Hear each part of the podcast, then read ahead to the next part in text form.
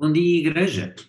Vamos continuar o nosso estudo do livro O Discípulo Radical, do autor John Stott, uma série de reflexões bíblicas sobre o que é ser um discípulo de Cristo no século XXI. E hoje vamos tratar o tema de semelhança com Cristo, que é o tema do segundo capítulo, que tem bastante riqueza então, ponto por ponto, estamos a contemplar o que é que significa sermos discípulos radicais e, mais especificamente, o que é que significa sermos semelhantes com Cristo.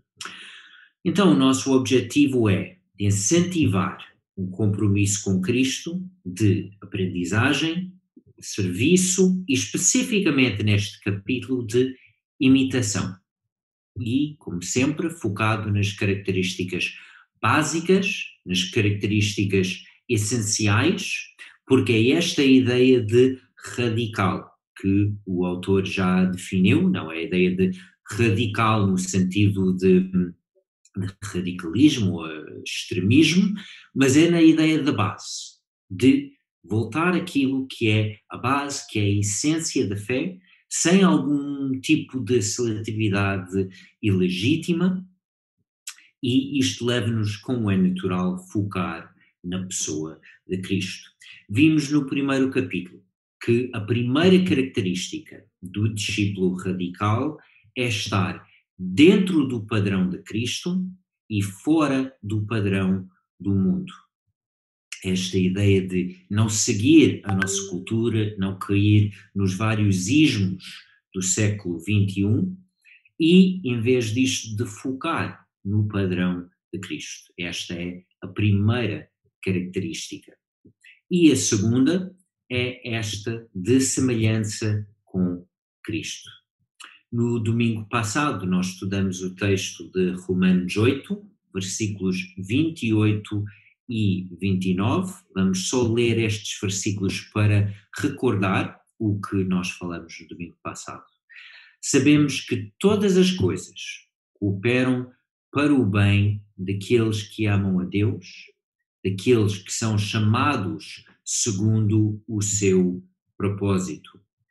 Porque aos que de antemão conheceu, também os predestinou para serem conformes à imagem de seu filho. Foi este o versículo que nós estudamos no domingo passado e que nós vimos. Vimos um exemplo de vida de um missionário, uma família que sofreu bastante, mas nós vimos que nas nossas vidas o sofrimento, a dor, as dificuldades, as alegrias, tudo isto coopera para o bem. E o bem, como Deus definiu nestes versículos, é nós ficarmos cada vez mais conformes à imagem de Cristo. E nós fechamos a mensagem do domingo passado com uma imagem. Uma imagem que vem da Grécia. E nesta imagem nós vimos, é uma imagem com uma espécie de X no meio, e este é um dos símbolos mais antigos associado à fé cristã, porque o nome Cristo, escrito em grego, as primeiras duas letras parecem o que nós chamamos a letra X e a letra P. E também vimos aqui as letras alfa e ômega, são apenas as pequenas letras do lado esquerdo e do lado direito, que vêm da referência de Cristo no livro do Apocalipse, que ele é o princípio e o fim. E nós, no, em alguns dos cursos do Instituto Bíblico, já transformamos, já fizemos uma, uma espécie de, de lema com estas letras, e o resultado é mais igual a x, o que faz-nos lembrar mais igual a Cristo, que é este o nosso alvo. Ou seja, quando nós estamos fora do padrão do mundo, não é estar fora simplesmente para sermos diferentes. é ser diferente para ser cada vez mais igual a Cristo. Que Ele é a meta, Ele é o nosso alvo de imitação. E esta semana vamos contemplar, segundo aos Coríntios, capítulo 3. E no versículo 18 deste capítulo de 2 aos Coríntios 3, nós encontramos o seguinte: Todos nós, porém, estamos de rosto descoberto, e como um espelho, somos um reflexo da glória do Senhor. Paulo aqui usa metáfora ou a, a imagem que todos nós conhecemos, essa ideia do espelho. E nós usamos o espelho para ver o nosso reflexo, para fazer eh, pentear o cabelo, ou no caso das senhoras, eh, talvez fazer a maquilhagem, e usamos o espelho para ver o nosso reflexo. Só que Paulo usa esta ideia que quem está fora da igreja, quando olha para nós, deve ver em nós reflexos de Cristo. E isto deve fazer-nos, deve levar-nos a fazer uma autoavaliação e perguntar: será que há, de facto, reflexos notáveis de Cristo na minha vida cotidiana? Quando eu enfrento dificuldades, quando eu uso os meus recursos, seja o tempo, seja as finanças, nas minhas conversas, no, em tudo que eu faço será que as outras pessoas conseguem ver a diferença que Cristo faz na minha vida? Será que as pessoas notam estes reflexos dele em mim? É uma pergunta que é muito importante para o cristão, porque o objetivo da nossa vida cristã, ou um dos objetivos, é de facto, com o passar do tempo, ficar cada vez mais semelhante a Ele. E se nós já temos vários anos de caminhada cristã, então deve haver progressos notáveis nas nossas vidas. E nós encontramos esta ideia, Paulo continua na segunda metade do mesmo versículo, segundo aos Coríntios 3, 18b. Transformamo-nos assim numa imagem dele, com um brilho cada vez maior, porque é o Senhor, isto é, o espírito que faz isto.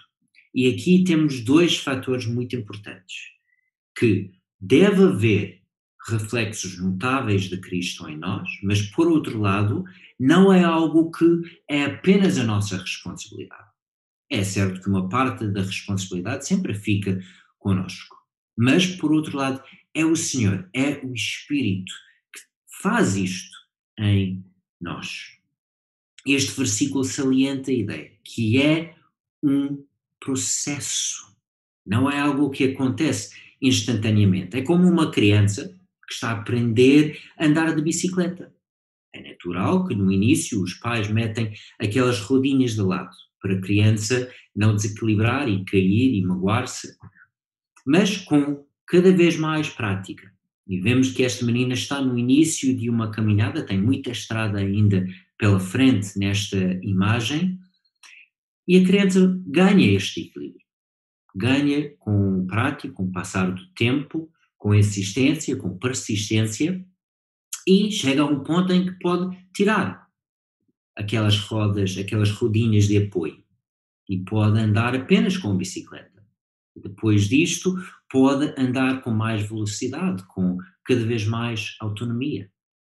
E é um exemplo de um processo, todos nós passamos por vários processos ao longo da nossa vida e a caminhada cristã também é um processo. É um processo que é espiritual. Já vimos que é Cristo, é o Senhor, é o Espírito que faz isto em nós. Então não é apenas um processo físico ou um processo apenas mental, é um processo que também toca nas emoções, que também toca, acima de tudo, na vida espiritual. E é por isso que os hábitos espirituais são tão importantes. Mas é importante notar que, para além de ser algo espiritual, é algo colaborativo. É algo que tem um lado humano e um lado divino. E este quadro aqui é um dos quadros mais famosos do mundo, de Capela Sistina, em Roma, foi Michelangelo que pintou, e um dos grandes poderes da arte é, às vezes, apresentar uma história, algo que é conhecido numa outra ótica. E esta pintura, quando foi uh, visto pela primeira vez, provocou alguma polêmica, porque Deus é a mão do lado direito, é a mão que expressa mais energia, que está a ir ao encontro do ser humano. Mas Adão não está totalmente morto nesta imagem. A mão dele não tem vida, mas em vez de estar caído, ele está, não, não tem energia, não tem vida, mas está ali. Mostra pelo menos uma disponibilidade para colaborar com Deus e é uma imagem de criação do ser humano, foi assim que Michelangelo um, concebeu esta obra de arte, mas acho que também fala do processo colaborativo. É preciso haver disponibilidade, é preciso haver do nosso lado uma, um esforço, a capacidade de colaborar. Por outro lado, não é apenas algo que vamos conseguir fazer sozinhos. Nunca vamos ser iguais a Cristo sem o Espírito dele dentro de nós, a trabalhar, a corrigir, a chamar atenção, a dar motivação, a produzir transformação que só Deus consegue produzir em nós. E nós vemos isto também na primeira carta do apóstolo João, capítulo 3, versículo 2, onde ele diz: Amados, agora somos filhos de Deus e ainda não se manifestou o que havemos de ser. Sabemos que, quando Ele se manifestar, seremos semelhantes a Ele, porque haveremos de vê-lo como Ele é.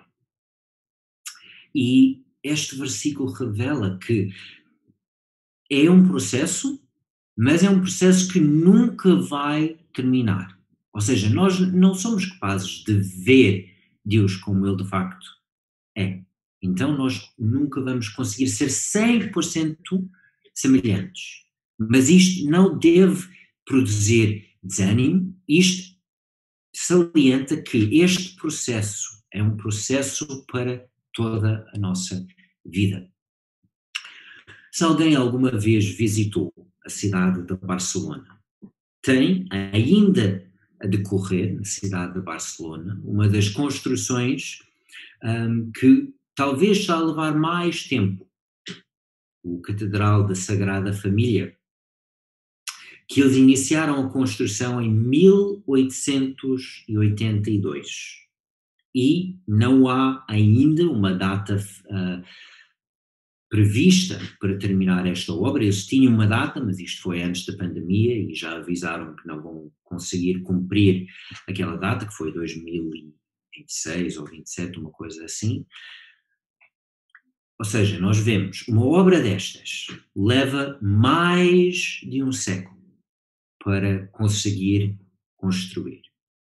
E a mesma coisa, o, a construção da imagem de Cristo em nós é um processo contínuo. É algo que, ao longo das nossas vidas, necessita da nossa colaboração com o Espírito, do nosso investimento, da nossa disponibilidade para colaborar com o Espírito. E quando é um processo colaborativo, nós sempre temos alguns fatores que são subjetivos, mas existem outros fatores que também são objetivos. Então, vamos terminar esta reflexão bíblica hoje. Perguntar estas coisas objetivas. Aquilo que nós podemos dizer com certeza. Como é que nós podemos medir este processo? Porque esta obra que nós falamos da Catedral da Sagrada Família, eles têm um plano eles conseguem olhar para a construção, olhar para o plano e dizer nós já vamos em 50% ou 70%. Então sempre é possível medir de alguma maneira, não é totalmente, mas de medir o processo. Isto é importante, porque senão ficamos para sempre a dizer, ah, é um processo, é um processo, mas nada muda. E tem que haver reflexos notáveis de Cristo nas nossas vidas. Não podemos simplesmente dizer, ah, é um processo e hei de chegar lá. Então, também temos que ser responsáveis, isto não é pôr todo do lado do ser humano, mas temos que tentar medir este processo. E há algumas perguntas que nos ajudam a refletir, avaliar e ouvir a voz do Espírito.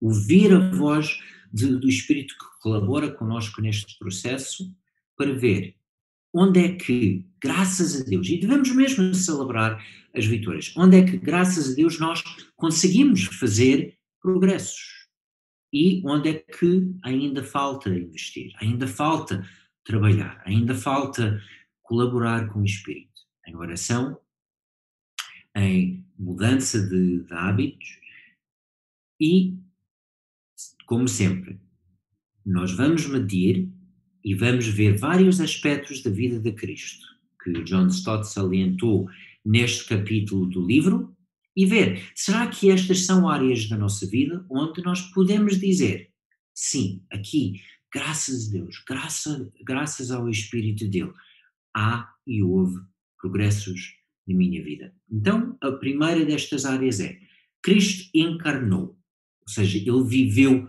no mundo sem conformar ao mundo. E é a característica que nós estudamos no capítulo passado. Cristo viveu isto também. Então, há evidências, há sinais na minha vida que eu consigo fazer o mesmo. Que eu consigo viver neste mundo sem conformar ao mundo. E estas evidências, será que quando pessoas à minha volta, pessoas no trabalho, algo acontece e o resto da equipa reage de uma certa maneira, será que eu tenho maturidade? Será que Cristo trabalhou em mim algumas reações diferentes? Ou será que na minha sociedade é relativamente comum haver certos tipos de comportamento com o dinheiro ou no pensar sobre assuntos éticos, falamos do relativismo, por exemplo, que é algo bastante forte na nossa cultura. Há evidências na minha vida, na minha mente, nas minhas emoções, nas minhas reações, de que eu consigo fazer diferente e fazer mais semelhante ao padrão de Cristo. Em segundo lugar, Cristo serviu. E Cristo serviu em muitos casos sem esperar reciprocidade. Sem esperar que, ok, eu vou-te curar, mas depois tu tens que fazer coisa A, B e C para mim. Muitas vezes Cristo encontrou pessoas que não, não podiam fazer nada para ele, mas teve compaixão deles, curou, interviu na situação deles.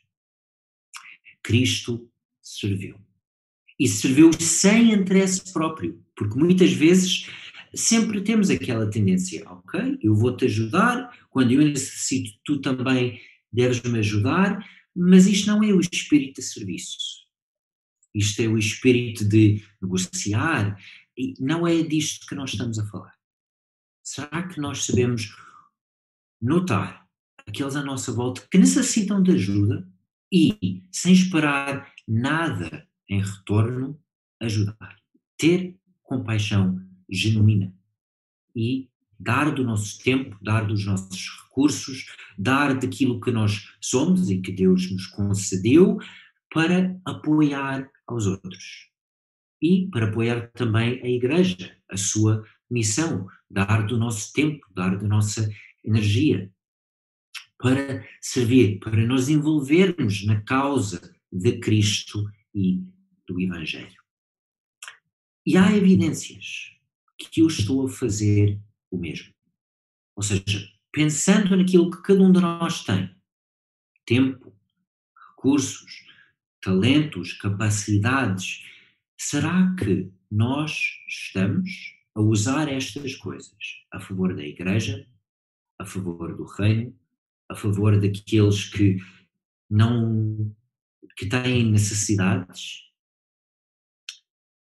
seja o que for, seja nossa, as nossas capacidades, seja o nosso tempo, pode ser as nossas orações. Nós estamos intencionalmente, sacrificialmente, a procurar servir, porque o mais fácil é ficar confortável, é ficar acomodado, é pouco ou nada fazer, mas não foi isto que Cristo fez. Não é este o nosso alvo, não é este o objetivo. Então vale a pena refletir também sobre este aspecto da vida. E a terceira, o terceiro aspecto que vamos refletir esta manhã. Cristo sofreu com longanimidade. Ou seja, Cristo sofreu sem pagar o mal com o mal. É algo que, humanamente falando, vai contra os nossos instintos. Vemos isto nas crianças, vemos isto nos adultos. O mais natural é que quando alguém nos faz mal, é querer vingar. É humano, é o que nós vemos à volta do mundo, é por isso que nós temos tantos conflitos e tantas guerras. Mas não foi isto que Cristo fez. Estava pendurado na cruz, com dois, com outros dois seres humanos, pessoas que muito provavelmente foram criminosos, foram pessoas que fizeram alguma coisa para estar lá. Cristo não merecia isto, estava a carregar a culpa de todos os pecados do, do mundo e ainda teve que levar com insultos de um destes, que estava a morrer ao lado dele e que aproveitou da onda da multidão de lançar insultos para também fazer isto a Cristo. E em vez de responder mal, em vez de ficar com com mágoa ou de, de querer vingar-se dele. É interessante que o outro foi que, quem interviu. E que Cristo, mesmo naquele momento, conseguiu ter compaixão no maior momento de sofrimento da vida dele. Teve compaixão, sabia fazer o ministério, a missão dele em vez de ficar distraído, em vez de cair na tentação humana de pagar o mal com o mal. E todos nós passamos por momentos de sofrimento nas nossas vidas, de escalas diferentes. Alguns momentos são de muito sofrimento, outros momentos apenas de uma frustração passageira. E uma coisa que eu já aprendi na minha vida é que quando eu estou a sofrer, quando eu estou frustrado, quando as coisas não estão a correr bem, é que eu vejo de facto o estado do meu caráter. O quanto é que falta para eu aproximar mais a Cristo. Porque quando a vida coloca-nos numa situação de pressão,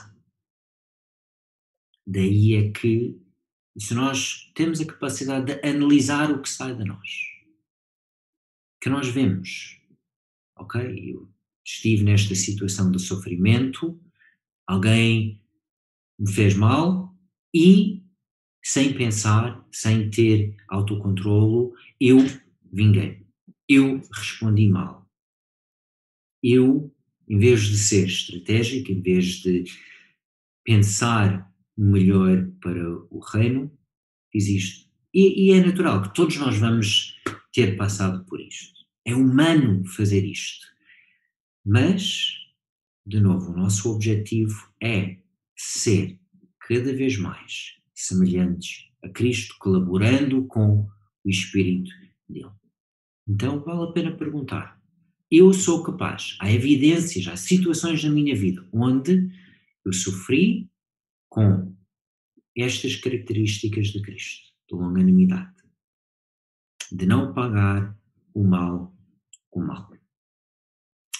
Então, estes são alguns aspectos objetivos, aspectos onde dá para refletir, para perguntar a nós mesmos e para ver onde é que nós estamos neste processo que certamente vai durar para todas as nossas vidas. Agora, para a semana, nós também precisamos contemplar, esta semana foi pensar mais nas coisas objetivas, mas ainda falta contemplar como é que nós podemos colaborar com o espírito neste processo. Se hoje focamos um pouco mais na nossa responsabilidade humana, também temos que contemplar qual é o papel de Deus, do Espírito, neste processo de nos transformar, de nós fazer cada vez mais iguais a Cristo. Então, algumas perguntas para podermos refletir, usar ao longo da semana espero que, que todos tenham uma semana abençoada e uma semana que produz em cada um de nós mais semelhança com o nosso Senhor, cada vez mais igual a Cristo. Um abraço.